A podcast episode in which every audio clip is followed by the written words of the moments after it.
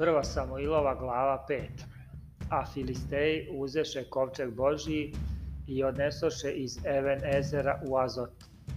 I uzevši Filisteji kovčeg Božiji unesoše ga u dom Dagonov i namestiše ga dok Dagona. A sutradan kad ustaše Azoćani rano, a to Dagon ležaše ničice na zemlji pred kovčegom gospodnjim, i oni uzeše Dagona i metnuše ga opet na njegovo mesto a kad sutradan rano ustaše, gle, opet Dagon ležaše ničice na zemlji pred kovčegom gospodnim, a glava Dagonu i obe ruke odsečene behu na pragu, samo trup od Dagona beše ostao. Zato sveštenici Dagonovi i koji god ulaze u dom Dagonov, ne staju na prag Dagonov u Azotu do danas.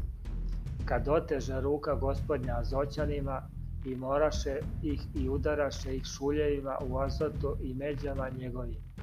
A kada zoćani videše šta je, rekoše da ne stoji kod nas kovčeg Boga Izraeljevog, jer je ruka njegova teška nad nama i nad Dagonom Bogom našim. I poslaše te sabraše k sebi sve knezove filistejske i rekoše im, šta ćemo činiti s kovčegom Boga Izraeljevog? A oni rekoše, da se prenese u Gat, kovčeg Boga Izraeljevog i prenoseše kovčeg Boga Izraeljevog. A kad ga prenesoše, bi ruka gospodja na gradu s mukom vrlo velikom i stade biti građane od malog do velikog i dođoše na njih tajni šuljevi.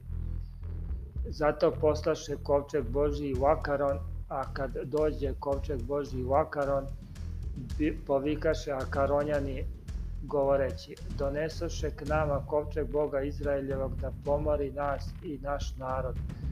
Zato poslaše te sabraše sve knezove filistejski, rekoše, pošljite kovčeg Boga Izraeljevog, neka se vrati na svoje mesto, da ne pomori nas i narod naš, jer beše smrtan strah po celom gradu i vrlo teška beše ruka gospodnja onde. Jer ljudi koji ostajahu živi, bolovahu od šuljeva, tako da se vika u gradu podizaše do neba.